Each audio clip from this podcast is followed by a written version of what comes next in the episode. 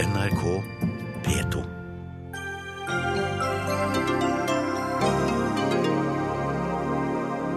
Inntil 30 000 sørkoreanske verftsarbeidere har gode dager fordi Statoil har gitt dem jobb, mens våre egne mister jobben. Hvorfor står olje- og energiministeren og ser på dette når han eier et Statoil som er lagd for å ivareta Norge og norske interesser? Listhaugs integreringsforslag vil føre til dårligere integrering, sier de som skal gjennomføre Listhaugs integreringsforslag. Innvandrere blir bare omtalt som innvandrere når de har drept eller gjort noe annet galt, sukker journalist som forsvar fra krimjournalist. Og det som skulle bli en fin folkefest i Holmenkollen i Oslo, utviklet seg til en ren fyllefest på lørdag, skriver kulturredaktør i Aftenposten, og nå krever hun full oppvask fra arrangørene.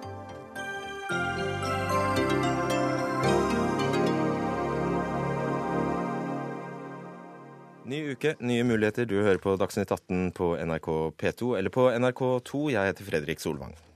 Vi nærmer oss nå 50 000 permitterte og oppsagte oljearbeidere i Norge, og Statoil har tilbudt sluttpakke til alle mann. Oljebransjen må selv ta hoveddelen av ansvaret for oljekrisen fordi kostnadsnivået er for høyt, sa statsråd Tord Lien til Dagbladet i forrige uke. Og i dag får han svar på tiltale for hva er det Lien tillater skjer på andre siden av jorda? Jo, at statseide Statoil holder liv i inntil 30 000 sørkoreanske oljearbeidere som lager plattformer til norsk sokkel. Ståle Kyllingstad, du er konsernsjef i IKM-gruppen. Blant dem som hevder at olje- og energiministeren må ta sin del av ansvaret. Hvilket ansvar sikter du til da? Ja, jeg sikter til akkurat det du sier nå. Vi har laget et selskap som skal ivareta norske interesser på norsk sokkel. Og de har fått lov til, de har tross alt en eier som skal mene noe, og de har fått lov til å sette vekk til et verftsmiljø i Korea som ikke hadde lagd sånne plattformer før. Arbeid for ca. 50 milliarder kroner, og som igjen fører til at det nå er en plass mellom 20 000 og 30 000 koreanere som jobber på disse plattformene. De var vel billigere, da? Det var de òg. Så det med kost og kostsida er det nok et poeng. Men jeg tror allikevel evalueringskriteriene vært feil. For det viser seg at de er verdt, plattformene blir ikke så billige som de sa de skulle bli, og det blir veldig mye forsinka. Så det, det, var billig i utgangspunktet, men det ser ut for å bli veldig dyrt. Ok, Tord Lien, olje- og energiminister fra Fremskrittspartiet. Eh, oppdrag for 50 milliarder kroner har de siste årene forsvunnet ut av landet, og 20 000 koreanere, minst 20 000 koreanere har fått jobb fra eh, Statoil. Dette henger jo ikke på greip? Altså, det er jo sånn at eh, På veldig kort tid, eh, i 2012-2013, så røk det fem store kontrakter eh, ut, av, ut, av, landet til Sør-Korea. Det var altså en eh, annen olje- og energiminister den gangen. Men klart, eh, dette handla om kontrakter som For det første så hadde ikke norsk leverandørindustri vært i stand til å bygge disse fem kontraktene samtidig. Det tror jeg ikke Ståle Kyllingstad mener heller. Eh, men dette var også kontrakter som, som ble tapt i konkurranse mellom norske og internasjonale leverandører. Så jeg er veldig glad for å se at når nå vi driver og utvikler det suverent største industriprosjektet i norsk historie, Johan Sverdrup-utbygginga, så er så langt ca. 70% av arbeidstimene havna i, Norge. Og det er kontrakter som er vunnet i knallhard konkurranse med aktører mens, i hele verden. Mens Valmon, Gina Krog og også Hansten har gått til koreanske verft. Hvor mye er det, er det du eier i Statoil igjen? Minn oss på det. Ca. to tredjedeler. Men så er det jo også sånn at Statoil er et børsnotert selskap som, som konkurrerer, som selv konkurrerer med aktører i, i hele verden. I et uh, oljemarked globalt som er veldig forandra i løpet av de siste 18 månedene. Og det er sånn at Ståle Kyllingstad og jeg kan gjerne diskutere fordeling av kaka. Men det er også en forutsetning at vi har en kake å fordele, og at norsk industri har konkurransekraft. Skal vi få disse ressursene opp? Ja, jeg er jo helt enig i at vi skal ha en kake å fordele, men det, er, det må være lov å ha en eierskapsmodell. Hvis du lager et selskap Vi har Statkraft, vi har NSB, vi har en del selskap som skal ivareta Norge og norske interesser innenfor sitt fagområde. Statoil var lagd for å ivareta. Det er lagt norske interesser på norsk sokkel. Det er en petroleumslov, det er de ti oljebud. Alt er lagt tidlig på 70-tallet. Og det, det, Hensikten med selskapet de har fått lov til å la være å hensynta det det var lagd for. Og at de klarer å gi så mye som 50 milliarder på fem prosjekter, noen som aldri har gjort lagd sånne plattformer før. De har lagd mye annet i Korea, og de er fantastisk flinke, men dette gir så mye på på ca. ett år unna. Et år faktisk ca. ni til ti måneder. Det syns jeg er dårlig styring, òg fra eierne. Men det, bare, bare, bare et spørsmål til deg da, Kjøllingstad, før du slipper til. Hvordan skulle det gå med tiltroen eller tilliten til, til Statoil som selskap på børsen dersom olje- og energiministeren grep inn og bestemte i detalj hva, hvilke, hvem som skulle få hva? Det, det, han skal overhodet ikke gripe inn. Han skal bare sørge for at det er nok kvalitetssikring på når du plasserer kontrakter. Det var altså et svensk selskap som bygde en plattform likt. De plasserte alt i Norge, ble levert på tid og på dato. Hva er det du, Lien, mener med at det er bransjen som må ta større ansvar? Nei, Det er jo ingen tvil om at en del av den utfordringa vi står i nå altså En stor del av utfordringa handler om at det har vært en stor endring i oljemarkedet. Tilbud, tilbudet av olje har økt dramatisk, det har gjort at prisen har falt. Men det får ikke vi gjort så veldig mye med fra norsk side. Det vi fra norsk side får gjort noe med, det er kostnadene vi legger inn i våre prosjekter på norsk sokkel. Og De kostnadene må ned. Hvis ikke så ender vi opp med at det ikke er noe kake å fordele. Men så syns jeg Ståle Kyllingstad sin sammenligning mellom statsforetaket NSB, som skal drive med jernbanevirksomhet, og Statoil, som er et børsnotert aksjeselskap, er, blir litt spesiell. Han nevnte Men, men, men, men så er det altså, så altså sånn at nå mens vi har styrt, så har vi sett at leverandørindustrien har gjort en kjempejobb og fått 70% av kontraktene på den store, viktige Johan Sverdrup-utbygginga. Da er det spørsmålet hvor, mye, hvor stor prosentandel av dette prosjektet burde norske leverandører ha hatt for at Ståle Kyllingstad skulle ha vært fornøyd? Ja, det kan du svare på. Ja, det kan jeg svare på. Jeg hadde ikke vært fornøyd før man hadde 100% for vi faktisk nå kapasitet til det. Det er rett at vi overhodet ikke hadde kapasitet til å bygge alle de fem prosjektene. Men allikevel, og jeg har opplevd det sjøl òg, så er det noe som heter ledelsesstyring. Ja, det er at hvis, du får, hvis et selskap eller et miljø får for mye å gjøre, så er det noen i ledelsen som griper inn og stopper og sier her må vi tenke oss om en gang en til. En gang til. Har vi lagt inn nok risiko i det at dette ene miljøet får så mye å gjøre på noe de aldri har gjort før? Men Så dette er jo ris til egen bak, Kyllingstad. Dere har jo rett og slett priset dere ut. Nei, Du har ikke prisa deg ut hvis du ikke sammenligner eple med eple. Hvis folk får levere pris på noe som de aldri har gjort før. Det er jo derfor det er, blir veldig mye dyrere. Vi har altså en hel del plattformer som blir både 5, 10 og 15 milliarder dyrere. Og da har du ikke prisa deg ut. Da er det noen som priser for lavt. Det samme verftsmiljøet har tapt altså 30 milliarder på å lage oljeplattformer i fjor. Det er mye penger. Så ja, vi var for dyre, og der er jeg enig med Tord Lien. Og som største eier Lien, så har du jo et ansvar for å gå inn i disse kontraktene. Du skal, du skal altså undersøke eh, Alt det Kyllingstad hevder her, er jo velkjent at eh, koreanernes meritter på disse områdene ikke var veldig, eh, ikke var veldig gode. Jeg har, jeg har stor tillit til at, at Statoil sitt, sine styrende organer er i stand til å ta denne typen beslutninger. Det jeg er opptatt av, det er at vi får mest mulig ut av energiressursene på norsk sokkel. Det er det som finansierer en tredjedel av norske universiteter og sykehus. Akkurat det er meninga. Men alle er jo enige om det. det Ja, er men, og, så, og så må altså leverandørindustrien sammen med operatørene ta tak i denne utfordringa og få kostnadene ned.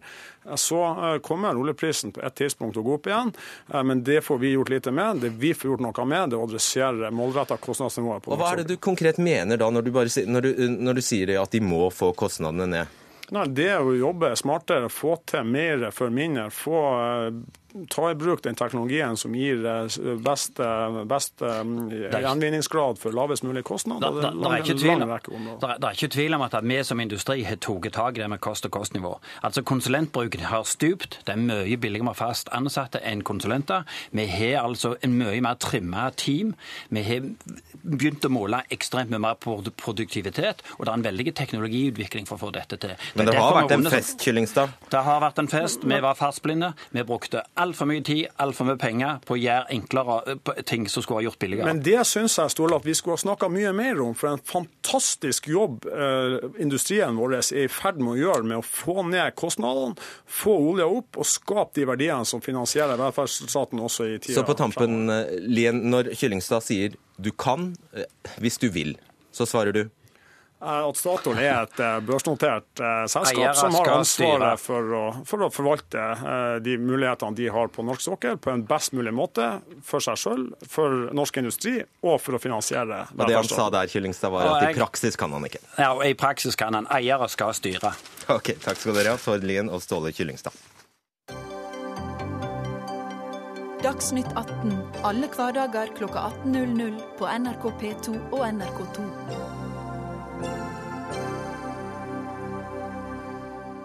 Vi skal på mange vis eh, holde oss til eh, tema, for eh, det er vel få som ikke har fått det med seg nå. Det grønne skiftet er i gang. Oljearbeidere mister jobbene sine, og Norge må finne nye måter å tjene penger på. Og Mange mener at å skifte til fornybar energi, forskning og ny teknologi skal redde den norske økonomien. Men så kommer du i Dagens Næringsliv, Egil Myklebust, forretningsmann og tidligere generaldirektør i Norsk Hydro, og sier at dette skiftet, dette grønne skiftet det kommer bare til å påføre oss kostnader og ikke gi oss inntekter og ikke gi oss vekst. Du tar vel litt hardt i, kanskje? Jeg tar litt i, kanskje, men... Det jeg sier, er jo at i tillegg til omstillinger på oljesektoren, som er nødvendig av mange grunner, som jeg prøver å beskrive, og som har både med oljepriser, men også med mange andre ting å gjøre, så har vi også det grønne skiftet, som jeg personlig mener er nødvendig. Ja, Du sier det vil komme, og du er helt med på at det må komme. Det er jeg enig i. Mm så sier jeg at men det tror jeg blir eh, samfunnsøkonomisk sett og bedriftsøkonomisk sett mer en kostnad enn en stor inntektsmulighet. Det forhindrer ikke at enkeltbedrifter vil kunne finne måter å lage god økonomi ut av å produsere for det grønne skiftet, kan man si.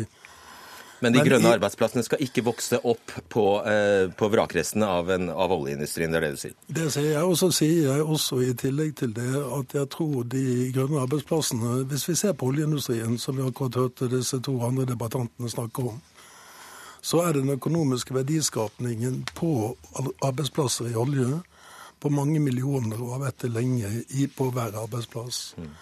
Det overrisler resten av norsk økonomi, både, både offentlig økonomi og privat økonomi. Og det å erstatte det blir i de neste 30-40 årene en kjempestor utfordring. Og der ser jeg ikke stor hjelp fra det grønne skiftet. Og nå sa du egentlig at vi kommer til å bli fattigere også. Med mindre vi finner alternative måter å skape verdiene på. Og det er en utfordring, og den må vi forholde oss til og gå aktivt inn for å løse.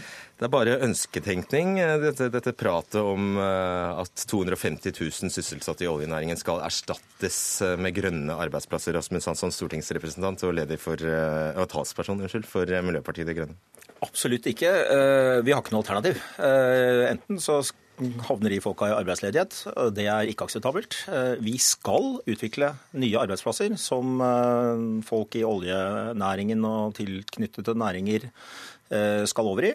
Og de arbeidsplassene må på en eller annen måte være bærekraftige og gi oss grunnlag for et anstendig velferdssamfunn i framtida som ikke ødelegger naturgrunnlaget. Men så, har men så har Miljøpartiet De Grønne vært det partiet som alltid har sagt noe bortimot det, eh, i hvert fall første halvparten av det Myklebust sier, nemlig at dette kommer til å koste noe.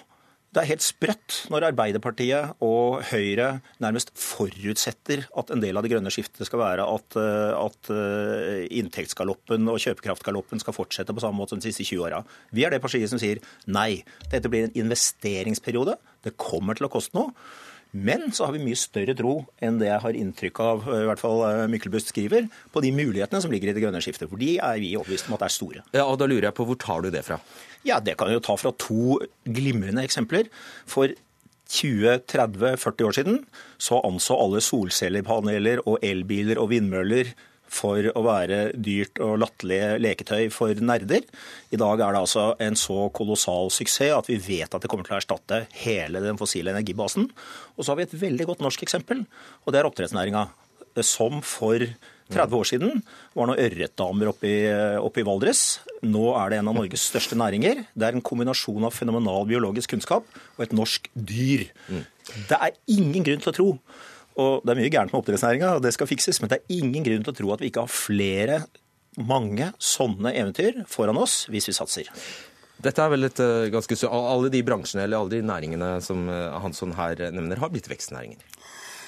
Når det gjelder havbruksnæringen og laks, så eh, må jeg kanskje få lov å si at litt lenger enn Rasmus Hansson har jeg vært med på utviklingen av den næringen fordi Hydro var en av de aller første bedriftene som gikk inn i å skape den havbruksnæringen. Og hans historiefortelling om havbruksnæringen den eh, er ikke akkurat den jeg ellers har hørt fra miljøvernsiden når det gjelder eh, havbruksnæringen, som har sine egne utfordringer. Men poenget mitt er at jeg tror Rasmus Hansson og jeg har en del ting vi godt kan være enige om. Jeg tror vi er... La oss ta det dere er uenige om, siden ja, vi ikke har all verdens tid. Du liker det beste. ja, jeg liker det best. det, og uenigheten er jo rett og slett knyttet til at jeg ser på det som må til for å lykkes med det grønne skiftet, som investeringer, ja, f.eks. i infrastruktur.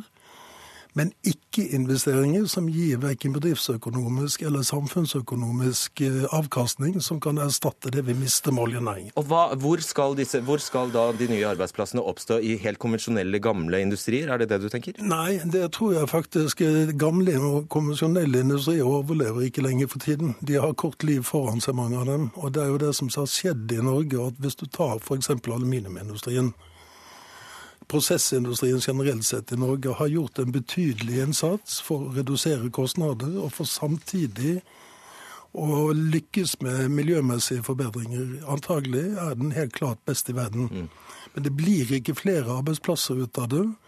Og det er heller ikke blitt flere eh, eller mer, særlig mye større økonomisk inntjening ut av det. Og da, eh, Hansson, i verdenshistorien, altså hvis du ikke bare går så kort tilbake som du nå, eh, nå gjorde, hvilke referanser har du som, som sannsynliggjør at, eh, at du har rett? Ja, altså, vi kan jo begynne med Norsk Hydro, som, ble, som var en eh, helt usannsynlig oppfinnelse. En kombinasjon av eh, en, eh, en ingeniør og en industribygger som skapte noe som ingen hadde forestilt seg muligheten av først, og som altså eksisterer fortsatt.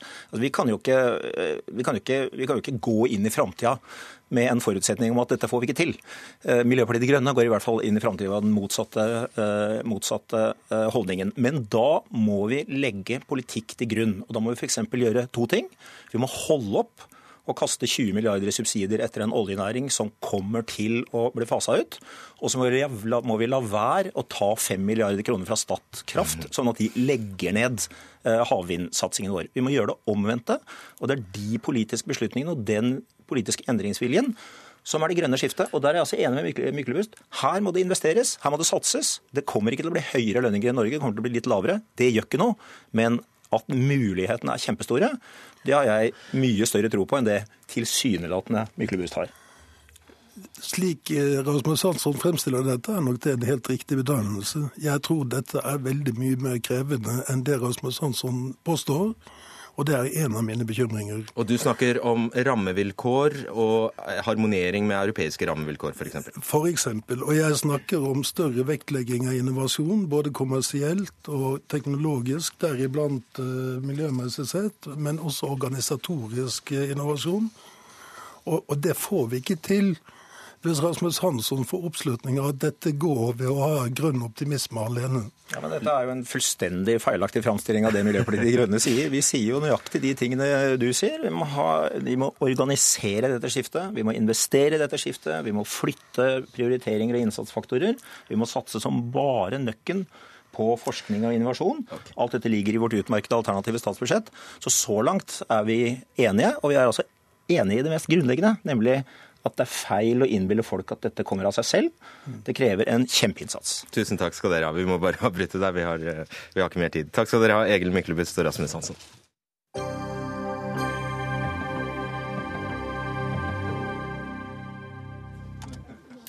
Sitat. Vi er sterkt kritisk til departementets innstrammingsforslag av utlendingslovgivningen. Generelt mener vi at lovforslagene ikke ivaretar situasjonen for mennesker på flukt på en tilstrekkelig god måte, verken på kort eller lang sikt.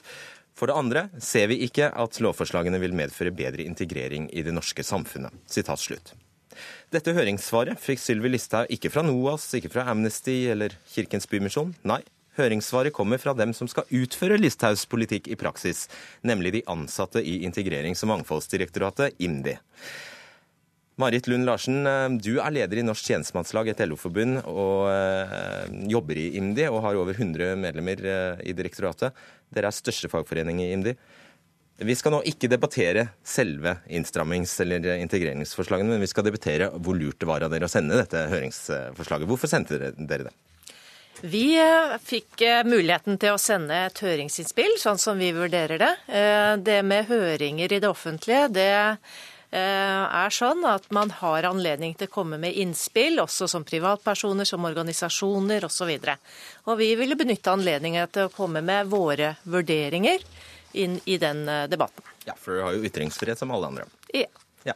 Så hva, hva lå da bak? Hvorfor, hvorfor var det så viktig for dere å sende et høringssvar? Vi har svart på høringer tidligere òg. I den sammenhengen her så ønska vi å gi kommentarer på de innstrammingsforslagene.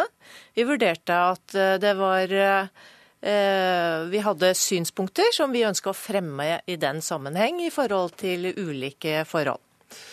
Michael Tetzschner, nestleder, første nestleder i kontroll- og konstitusjonskomiteen på Stortinget for Høyre. Ja, NTL-medlemmene har bare brukt sin ytringsfrihet.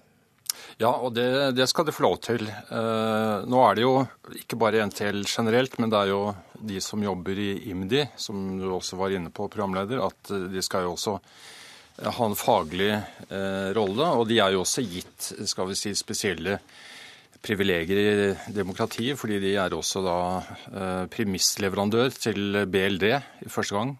Første omgang, altså Barne- og likestillings... Ja, var det mye forkortelser? Ja, ja. Trebokstavforkortelser, vet du. Ja.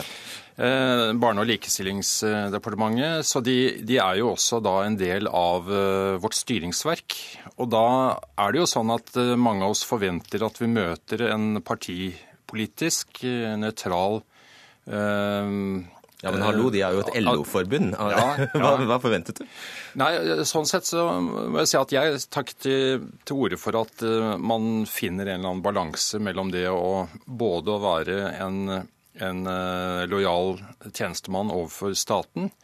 Eh, samtidig som man også kan gi uttrykk for bekymring hvis eh, man mener det. Men, Men her mener jeg at man har gått for langt i en rett og slett en avskyresolusjon til, til de politiske myndighetene. Og, og det får så være. Men det som bekymrer meg litt, er at man ikke heller deler noe av det som ser ut til å være bakgrunnen for Stortingets brede forlik. Man er liksom i en annen verden hvor man altså da argumenterer eh, ikke mot et departement, men egentlig mot en del av premissgrunnlaget ja, for, eksempel, for bare et eksempel på det, så går dere ikke med på at man skal bruke begreper som tilstrømming av asylsøkere. Dere mener, gir uttrykk for, at 30 eh, 000 til Norge er en svært liten andel av de 30 millionene mennesker på flukt utenfor eh, hjemlandet. Dere går jo inn her og, eller går jo i klinsj med hele, hele Stortingets premiss for innstrammingene. Eh, vi har brukt ytringsfriheten vår i forhold til det å komme med innspill på mer faglig relevante problemstillinger knytta til innstrammingsforslagene. Eh, en relativt kort versjon eh, skulle man ha kommet med faglige eh, vurderinger eh, og kommet med eh, artikler, eh, forskning osv., så, videre, så hadde det blitt en veldig lang høringsinnspill. Vi har valgt å gjøre en kortversjon. Eh, og vi vurderer at eh, ankomsten av asylsøkere til Norge Eh, den er ikke veldig stor sammenligna med veldig mange andre land. Ja, da er dere rundt, uenige med stortingsflertallet. Rundt uh, krigsområder. Men skal Hvorfor skal byråkrater i det direktoratet som er satt til å gjennomføre integreringspolitikken her i landet, mene noe om det? Uh, NTL IMDi eh, har vurderinger knytta til ankomstsituasjonen. ankomstsituasjonen har, eh, og de innstrammingsforslagene. Og her kobles jo det opp mot integreringsforslag, som vi da vurderer ikke vil være med å fremme integrering. Har Sylvi Listhaug grunn til å stole på de IMDi-ansatte etter dette? Nei, Nå er ikke spørsmål om hun skal stole på uh, noen i et direktorat. Uh, jeg håper at samarbeidsforholdene i, i departementet som hun bestyrer, er, uh, er preget av skal vi si, mer faglig fellesskap enn, en det som kommer fra den ytre etaten her. Men det som kanskje kan være en svekkelse av en viktig, viktige argumenter som man måtte ha i, i IMDi, da, det er jo hvis man da Eh, går så dypt inn i det partipolitiske, det, det som for tiden har stort splittelsespotensial i Norge. Og så er det jo temaene de er i og for seg tenderer faglig til å ligge inn under IMDi, men ikke argumentene. Jeg ser jo ikke noen argumenter. Eh, og det bør man kanskje påta seg hvis man distanserer seg fra Stortingets forutsetning, hvor det i forliket er slått fast en god integrering avhenger av ansvarlig innvandringspolitikk. Og Det er derfor vi har fått dette med adgangsregulering opp som virkemiddel. Mm. Eh, Lund, Lund Larsen, forklar, hva er det dine medlemmer driver med? Hva slags jobber har de? Eh, eh, medlemmer i NTL IMDi har ulike typer av jobber. Veldig mange er saksbehandlere. Mm. Eh, det, flertallet er det. Mm. Så det stemmer når jeg sier at de er satt til å gjennomføre regjeringens politikk i praksis? Ansatte i IMDi er satt til å gjennomføre eh, politikken, ja. Var alle medlemmene enige i at dette høringssvaret skulle sendes? Eh, vi har hatt en høringsprosess. Det er ikke sånn at alle vil være enig i enhver sak som diskuteres. Ble det klart og tydelig fått, eh, formidlet at dere kom til å sende et høringssvar på vegne av NTL IMDi Ja. til alle medlemmene? Det Ja. kan du si med hånda på hjertet? Det kan Vi jeg si får med opplyst noe annet, det motsatte, nemlig. Ja, det, er, eh, det kan jeg vise til med e-post eh, osv. Så, videre. Mm. så det er godt kjent både blant NTL-medlemmer at vi ønska å sende et innspill. Og det er godt kjent hos ledelsen i IMDi, direktøren i IMDi, som også er gjort kjent med Vet du hva direktøren sier i dag? Han sier eh, IMDis eh, NTL-forening står fritt til å uttale seg, men det vil være uheldig om uttalelsen skaper usikkerhet om IMDis lojalitet. Hvordan forklarer du det? Eh, Jeg tror kanskje direktøren må forklare sine uttalelser. Nei, men nå, nå sa du nettopp at han var innforstått med at dere sendte dette. Ja, vi har eh, eh, fått den tilbakemeldingen fra direktøren at det var uproblematisk at NTL IMDi har en høringsuttalelse hvor vi er med og belyser faglig de ulike problemstillingene knytta til innstrammingstiltakene. Eh, Tetzschner, eh, har du hørt om noe lignende tidligere? Nei, jeg har ikke vært borti det, men eh, nå lever vi jo i en åpen, diskuterende politisk kultur. Og demokratiet tåler jo også både motforestillinger og eh, at eh, folk ytrer seg. Men, men hvis det blir for hardt i formen, for partipolitisk, så går det utover troverdigheten til de offentlige etatene som er satt til å gjennomføre Stortingets politikk. Og helt eh, på tampen, Lund Larsen, hvordan forklarer du at de andre fagforeningene i eh, IMDi, Parat og Akademikerne ikke valgte å sende høringssvar? Jeg kan ikke forklare hvorfor andre har valgt eller ikke har valgt å avgi høringssvar. Jeg er veldig glad for at vi fikk anledning til å gjøre det, og komme med våre vurderinger. Kan dette bli problematisk noensinne? Kan du se det? Eh, Jeg ser ikke at det her blir veldig problematisk, og vi er lojale medarbeidere. Nå vet vi hva dere mener, i hvert fall. Takk skal dere ha, Michael Tetzschner og Marit Lund Larsen.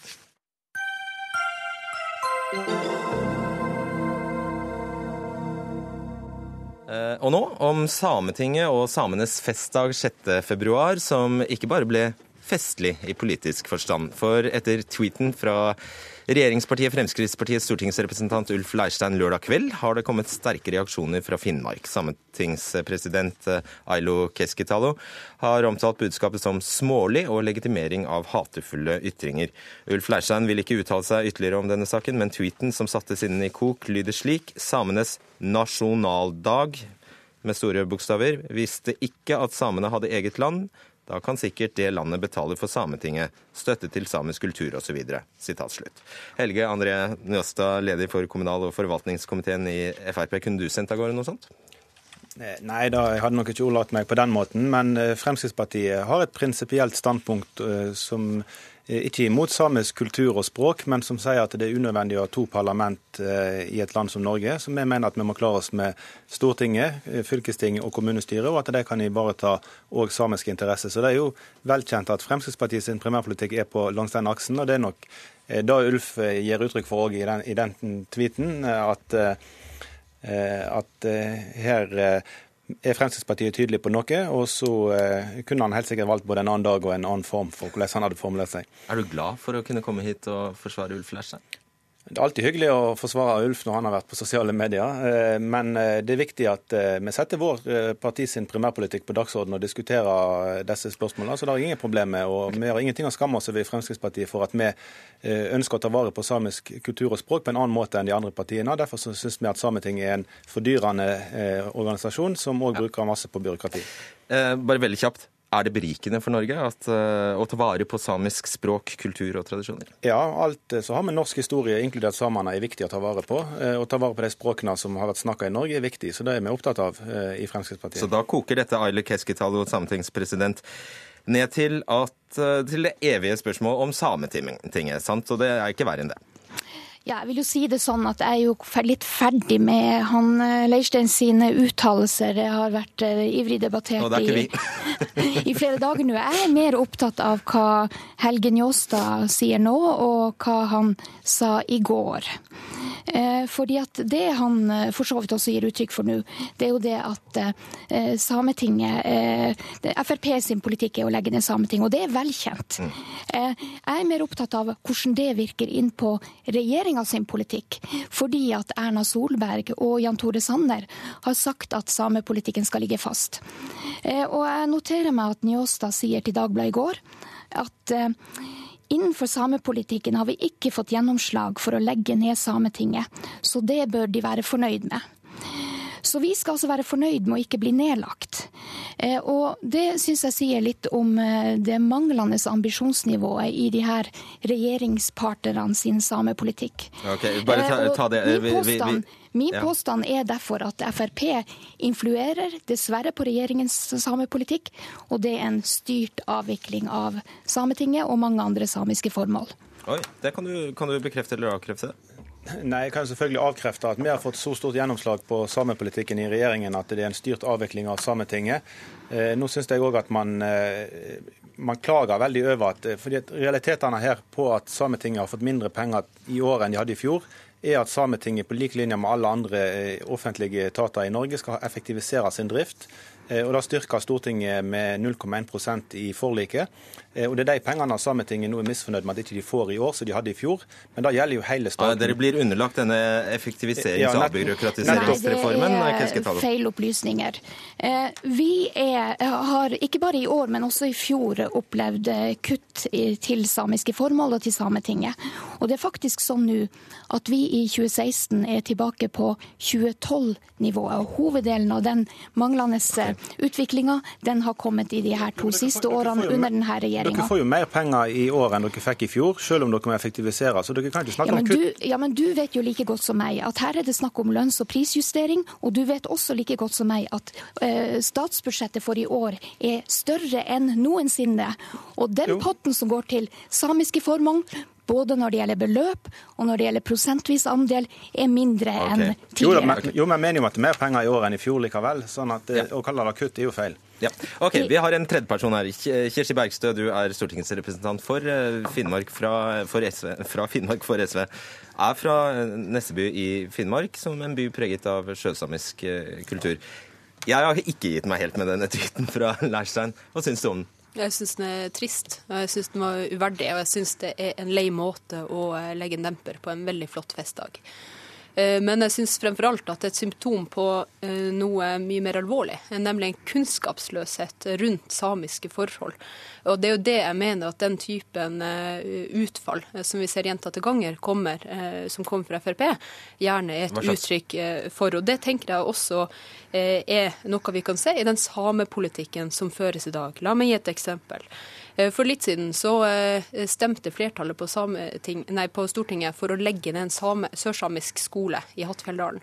Da kan man ikke ha veldig god kunnskap om hvordan stillinga er for det sørsamiske språk. Det er et veldig alvorlig angrep. Så på den ene sida så sier man at man skal ivareta samiske forhold, på den andre sida så legger man ned eh, noe en, en, en viktig eh, kjerne eh, for eh, å ivareta et veldig utsatt språk og kultur. Og Derfor så ønsker vi å ta initiativ overfor stortingspresidenten og overfor Sametinget om å rett og slett arrangere en temadag rundt samiske forhold på Stortinget. Fordi at vi ser at det er gode grunner til å heve kompetansen og kunnskapsnivået rundt samiske forhold blant eh, landets stortingsrepresentanter. En temadag. Vil du være med på det, Njåstad? Ja, gjerne. Og eh, komiteen som jeg sitter i, har ansvaret for samiske for spørsmål. Og vi har vært i, i, i Karasjok i tre dager og, og møtt Sametinget. Eh, Sametinget har også vært Tre temadager. Ja, og, og, og Sametinget har hatt sin plenumssamling i Stortinget og møtt oss der. sånn at eh, vi har mange eh, mulige treffpunkt og har sett det samiske spørsmål på dagsordenen. Så det er jo, man må ikke skape et inntrykk av at man ikke er opptatt av de samiske forholdene. Eh, sånn som sånn så SV her, her forsøker å gi et inntrykk av. Okay, Ber- Ber- Bergstø, jeg har bare lyst til å stille deg et spørsmål. Vi vet også, i tillegg til at denne skolen i Hattfjelldal legges ned, så vet vi at uh, samiske barn eh, faktisk går på skolen uten lærebøker på uh, eget språk. Visste du det? Det vet jeg veldig godt. Det var derfor SV foreslo oss å styrke Sametinget med 40 millioner i vårt forslag forslag til statsbudsjett. Så, så i, det jo- i deres alternative statsbudsjett så er det satt av penger til samiske lærebøker? Blant annet. Eh, Og det handler jo om at det i dag foregår doble standarder, der du har én standard for norske barn og en helt eh, annen eh, for, eh, for samiske barn. Eh, Og det eh, mener jeg at er uverdig, eh, fordi at vi, vi har eh, en forpliktelse i Norge om at eh, unger skal lære språket sitt, eh, og at man skal ha undervisning både i og på samisk. Keskitalo, eh, du, du vil gjøre noe med det du omtaler som systematisk diskriminering.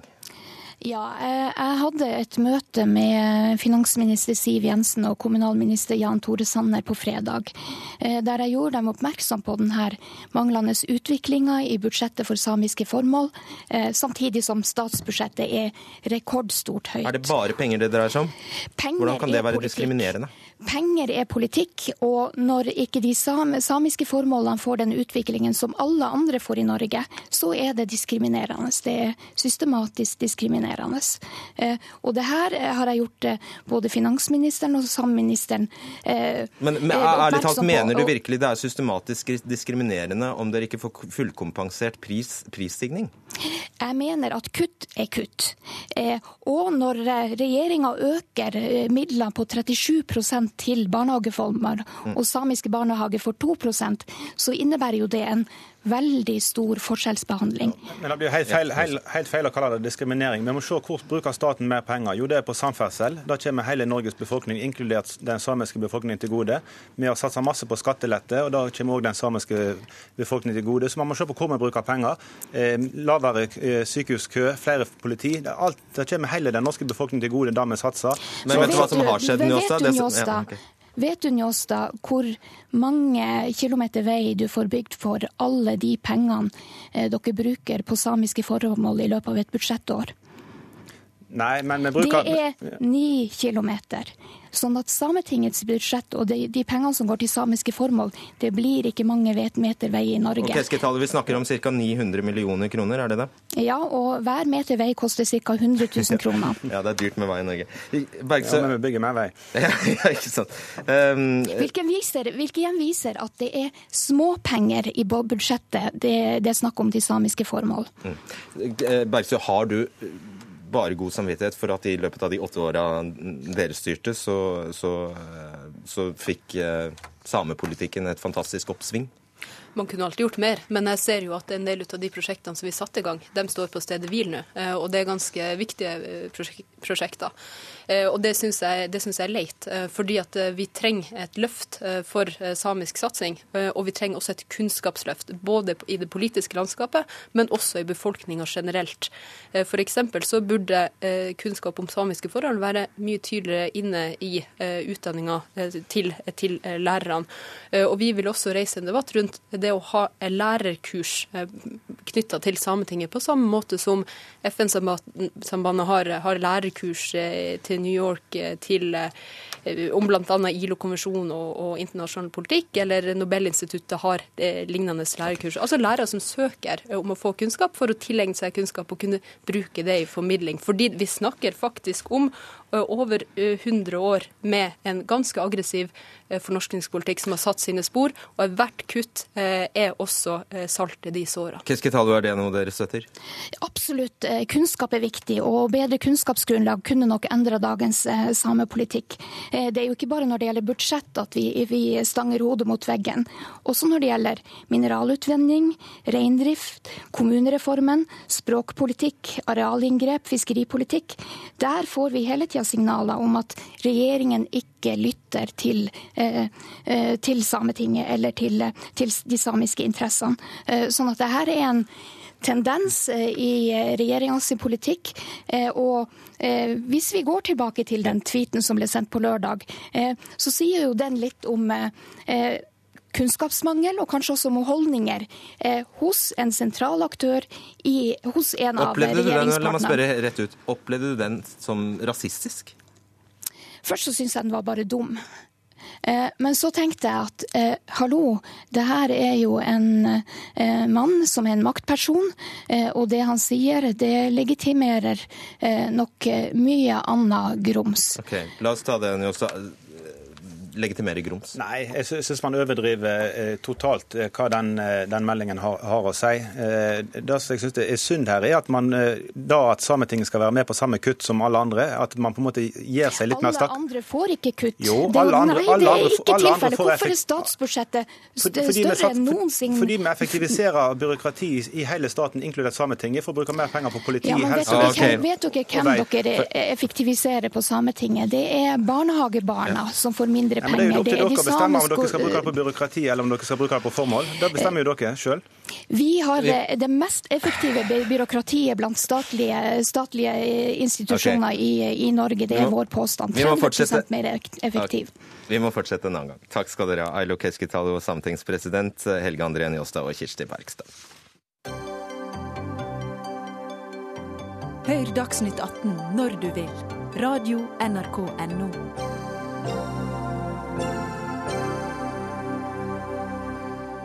Hvorf- Hvorfor blir minoriteter omtalt som norske og vanlige borgere i hermetegn om de gjør noe bra? Mens når de gjør noe dårlig, så er pressen med en gang der med, spesif med eh, spesifikke betegnelser som norsk-pakistanere. Dette spør du om, journalist Masud Haidari i Pressehistorisk tidsskrift. Du mener faktisk mediene beskriver minoriteter avhengig av hva mennesker med minoritetsbakgrunn gjør. Har du eksempler på det? Det har jeg. Først og fremst så vil jeg bare si at eh, jeg prøver ikke å angripe noen med min artikkel. Altså jeg prøver ikke å angripe enkeltjournalister med min artikkel, men jeg vil spør heller eh, hva, hvilke vurderinger som legges til grunn før man eh, omtaler minoriteter. Det er greit.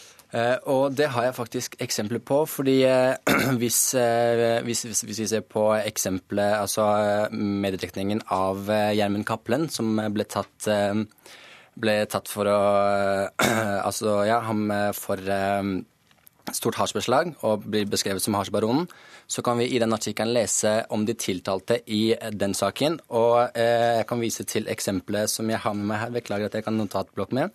Men de etterlyste blir altså nevnt eh, Her har vi Gjermund Cappelen, og så har vi en rørlegger på 51. Og så har vi en brusselger og en helsearbeider og en mann, helt betegnet som mann. Og så har vi en karatelærer, og så har vi en norsk-pakistaner 37.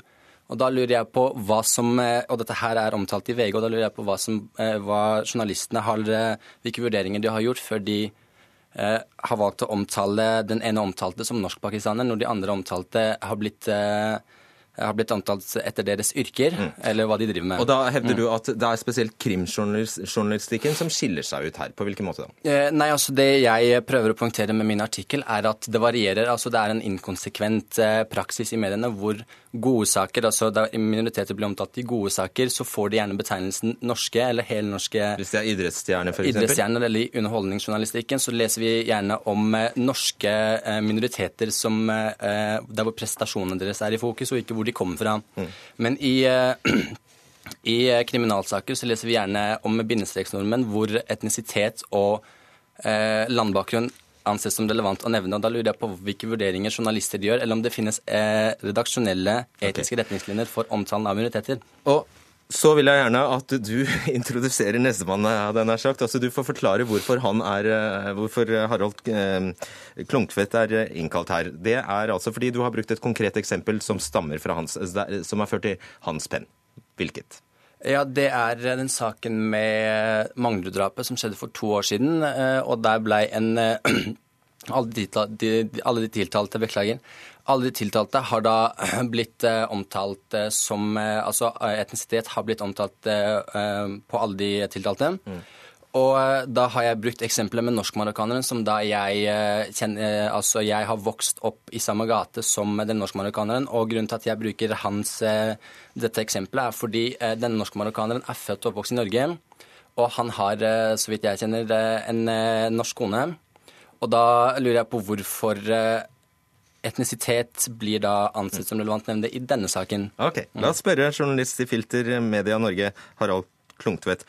Dette begikk du som eh, journalist i Dagbladet, stemmer det? Det er riktig. Ja. Eh, Du har altså mange år bak deg i Dagbladet som krimjournalist, og eh, du har svart Haidari i Fagbladet Journalisten. Hva, er ditt, hva, var, hva var poenget med å nevne at han var norsk-marokkaner, denne, denne karen? Det var flere årsaker til det i den konkrete saken, hvis vi skal ta det først. Eh, hovedgrunnen var nok at eh, det saken omtalte, var at vedkommende hadde flykta til Marokko, eller i hvert fall dratt til Marokko. Han vil sikkert bestride at det var en flukt.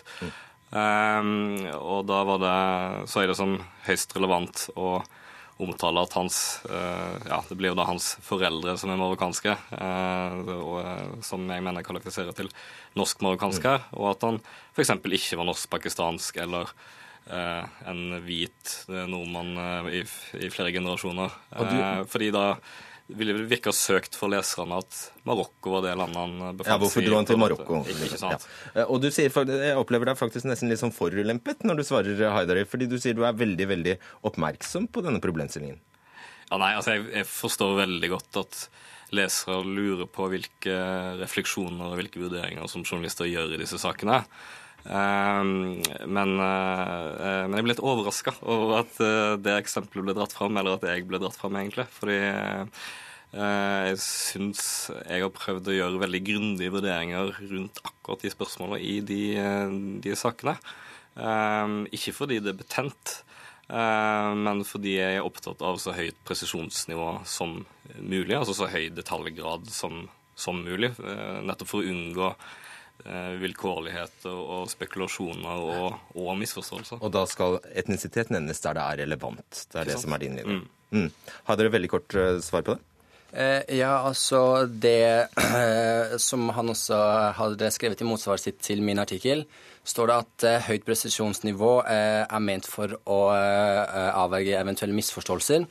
Og da lurer jeg på hvorfor det i det hele tatt er ansett som relevant å nevne bakgrunnen til noen av disse her mistenkte, fordi eh, disse her er jo norskfødte. Og da lurer jeg på er det, er det Jeg kan forstå det med at han flyktet til Marokko. Det, I enkelte saker kan det være relevant å nevne det, men det er altså en eh, Og nå angriper jeg som sagt ikke han på hans artikkel, men ja. Jeg spør etter bare om det finnes noen et, eh, etiske retningslinjer og hva som ligger ja, til grunn. Gjør det det, politisk redaktør i VG, Hannes Gartveit? Både ja og nei. Uff da. Var det dårlig svar? For deg? Nei da. Nei, du kan jo ikke ha noe, som i, På de fleste områder i journalistikken kan du ikke ha noe helt spesifikke, firkanta regler. Eh, men vi prøver jo å skrive ut fra når det er relevant. F.eks. hvis man omtaler B-gjengen, som er, stort sett er eh, pakistansk-norske familier. ikke sant? Mm. Eh, når du snakker om eh, østeuropeisk mafia. altså Det er en del sammenhenger er det relevant. Andre ganger så kan det være litt tilfeldig. at du sitter, Det går jo veldig fort på en sånn nyhetsdesk. ikke sant? At du sitter og snakker med en operasjonsleder som sier at ja, vedkommende er pakistansk-norsk eller hva som helst. Så at det er på en måte vi prøver å ha et bevisst forhold til det, samtidig som det av og til kanskje går litt fort i svingene. Ser du at dere kan ha et poeng i at Cecilia Brekkhus f.eks., som er adoptert fra Colombia og helt norsk, eh, blir omtalt utelukkende som norsk?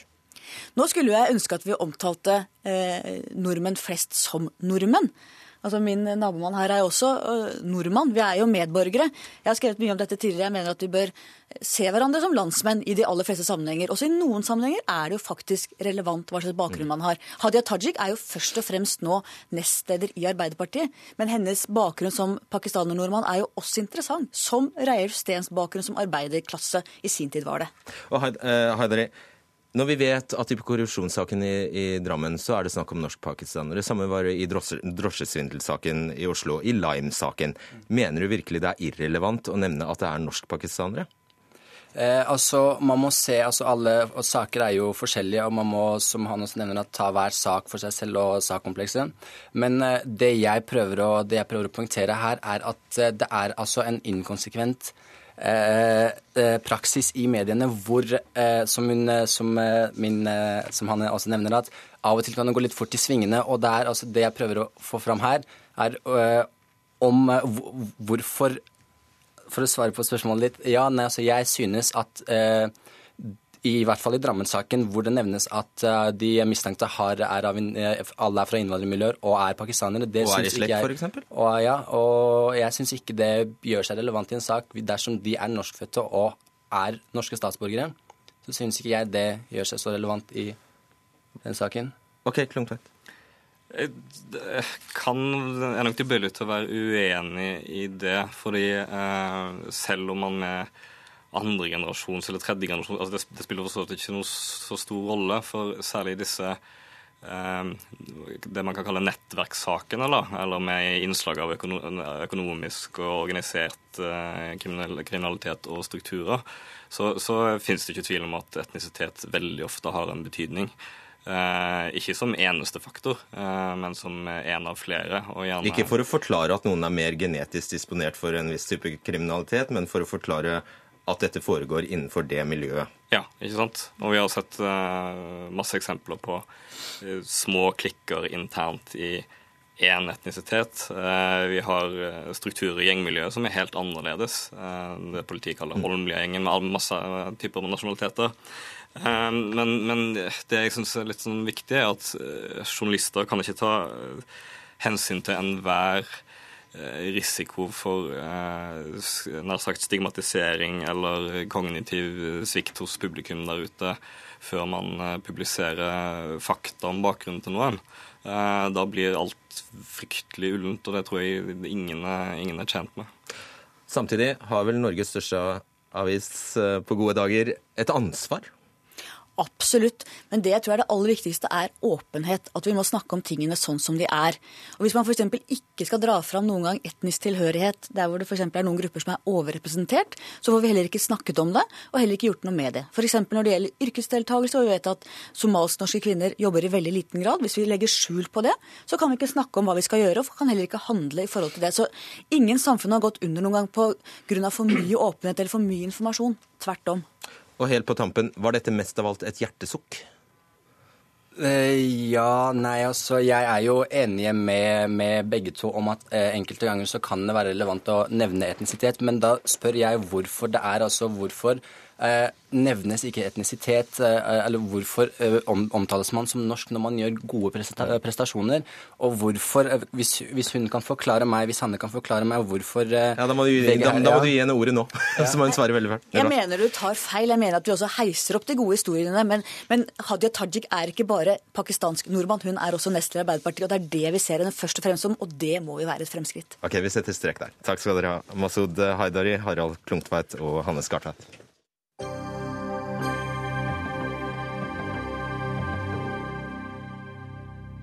For nå skal vi snakke om fyll, søl, bråk, historier om gråtende mennesker, offentlig urinering og frustrerte publikummere som ikke slapp inn. Nei, Vi snakker ikke om et russetreff på Tryvann, men klagelista etter Holmenkollen skifestivals afterski på lørdag. Folkefest ble forvandlet til fyllefest, mener du, Sara Sørheim, kulturredaktør i Aftenposten, som kritiserer arrangørenes håndtering av skifesten. Og Du mener altså at Holmenkollen skifestival var en uproff arrangør? Ja, delvis så. Altså det, nå, nå, mener jeg ikke at hele arrangementet oppe i Holmenkollen var eneste, et eneste stort russetreff, men det, men det, skjedde ting der i helga som eh, ikke var eh, helt heldig. Og eh, det har kommet reaksjoner i etterkant på deler av arrangementet som rett og slett var uprofesjonelt gjennomført, og som i etterkant har prega denne egentlig veldig flotte festen. Var du der? Jeg var der ikke i år, men jeg har vært veldig mye i Holmenkollen tidligere og er ekstremt glad i langrenn generelt, men spesielt Holmenkollen. da. Og den eh, følelsen deler jeg med veldig mange av eh, landets, stor del av landets befolkning. Og da er det ekstra ille når, uh, når det går såpass gærent som det gjorde i år. bare forklar for oss, Nå beskrev jeg jo noe av det, men hva var det som skjedde ifølge beskrivelsene? Nei, altså Det som skjedde, var at det var et afterski-arrangement etter øvelsene, hvor veldig mange opplevde alt fra at de kom ikke inn, det er nå én ting, folk som hadde kjøpt billett, men det var også rapporter om trengsel. Eh, faktisk ganske skremmende opplevelser for folk som ble fanget i folkemassene der. Og fyll som utarta, bl.a. med urinering inne i teltet og litt sånn eh, litt uheldige ting. Noe som fikk mange av publikummerne til å reagere og opplevde at det var eh, ubehagelig, aggressiv og dårlig stemning. Og det skal det ikke være på et arrangement som dette. Daglig leder i Holmenkollen skifestival, Kristin Sæterøy, kan du bekrefte dette? Først og fremst så gjennomførte vi et fantastisk arrangement der oppe, eh, hvor dette er en del. Men vi hadde 70 000 besøkende eh, fordelt på disse to dagene, og ganske mange ute i løypa. Det er vi superfornøyd med. Vi hadde 31 000 mennesker eh, inne på arena. Eh, afterskien eh, etterpå eh, er vi ydmyke for at, at, det var visse situasjoner der som ikke var bra. Men, men dette var et avstengt eget område som vi åpnet da klokken tre. Det var adskilt i forhold til at det var et stort område med et telt som, som det var plass til 1500 inni, og totalt ute med 6000.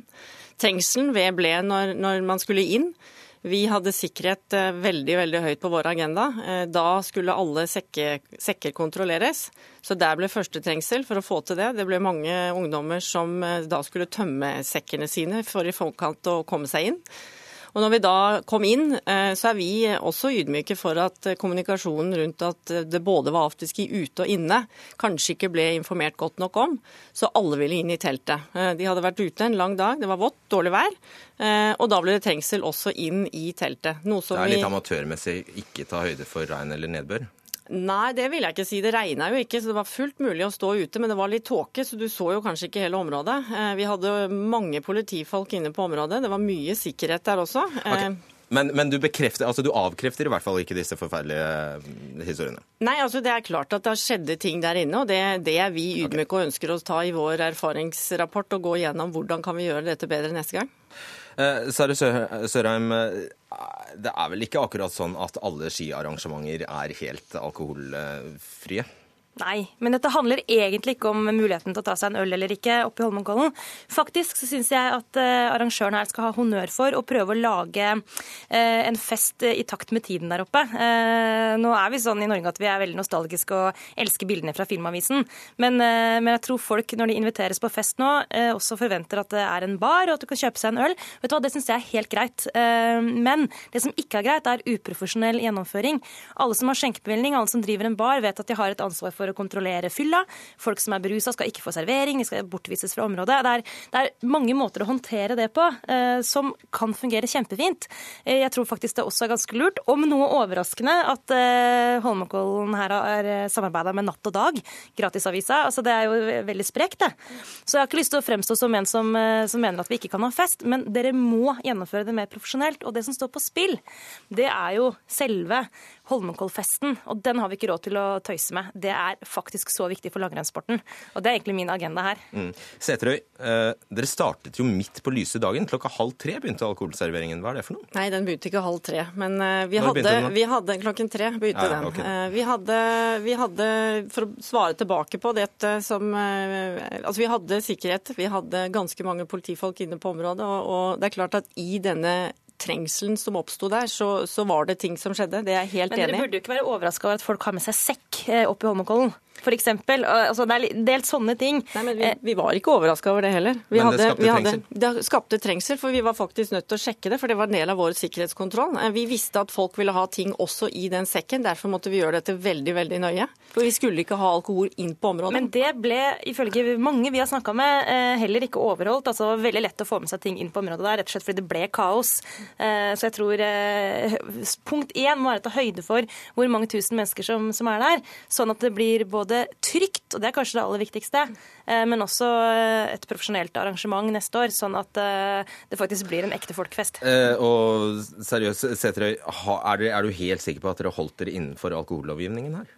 Det gjorde vi absolutt, og det var mange som var der for å sjekke. Eh, og som sagt, vi hadde mange mennesker inne der, både fra sikkerhet og fra politi. Eh, og det er klart at jeg vil nok tro at i den køen og det presset som oppsto når folk drakk ting på vei inn, at ting skjedde inne på det området som, som vi til dels ikke hadde kontroll på, men vi fikk kontroll på. Eh, det var, jo, det var jo en liten, eller det var en periode hvor dette var utfordrende, men så fikk vi kontroll på det. Og da ble det også utvist ganske mange mennesker som hadde fått for mye å drikke. Og så lurer det et VM framme her? Mm, det er jo om å gjøre nå at VM på, altså skiskytter-VM oppe i Holmenkollen blir skikkelig bra. Og da må vi kjenne vår besøkelsestid, besøkelsestid også og komme og se på. Men eh, da forventer jeg et proffere arrangement, og det gjør jeg også fra dere neste år. Og jeg ønsker dere lykke til med det, og så må dere bare liksom komme dere opp på et høyere nivå, så skal dette gå riktig bra. det. Folkefest skal det i hvert fall bli, håper jeg. Det er liksom et unisont folkekrav, det tror jeg du har skjønt nå. Det har vi helt klart på agendaen. du tar den utfordringen, Søder. Jeg tar den absolutt. Og heldigvis. Og du, du, skal, bare for å ha sagt det, du skal ikke arrangere VM? Jeg skal ikke arrangere VM. det skal jeg ikke. Ok. Takk skal dere ha, Kristin Sæterøy og Sara Sørheim. Dere fikk æren av å eh, avslutte denne Dagsnytt 18-sendingen. Ansvarlig for den var eh, Ida Tune Øresland. Teknisk ansvarlig var Lisbeth Seldreite. Og i studio Fredrik Solvang.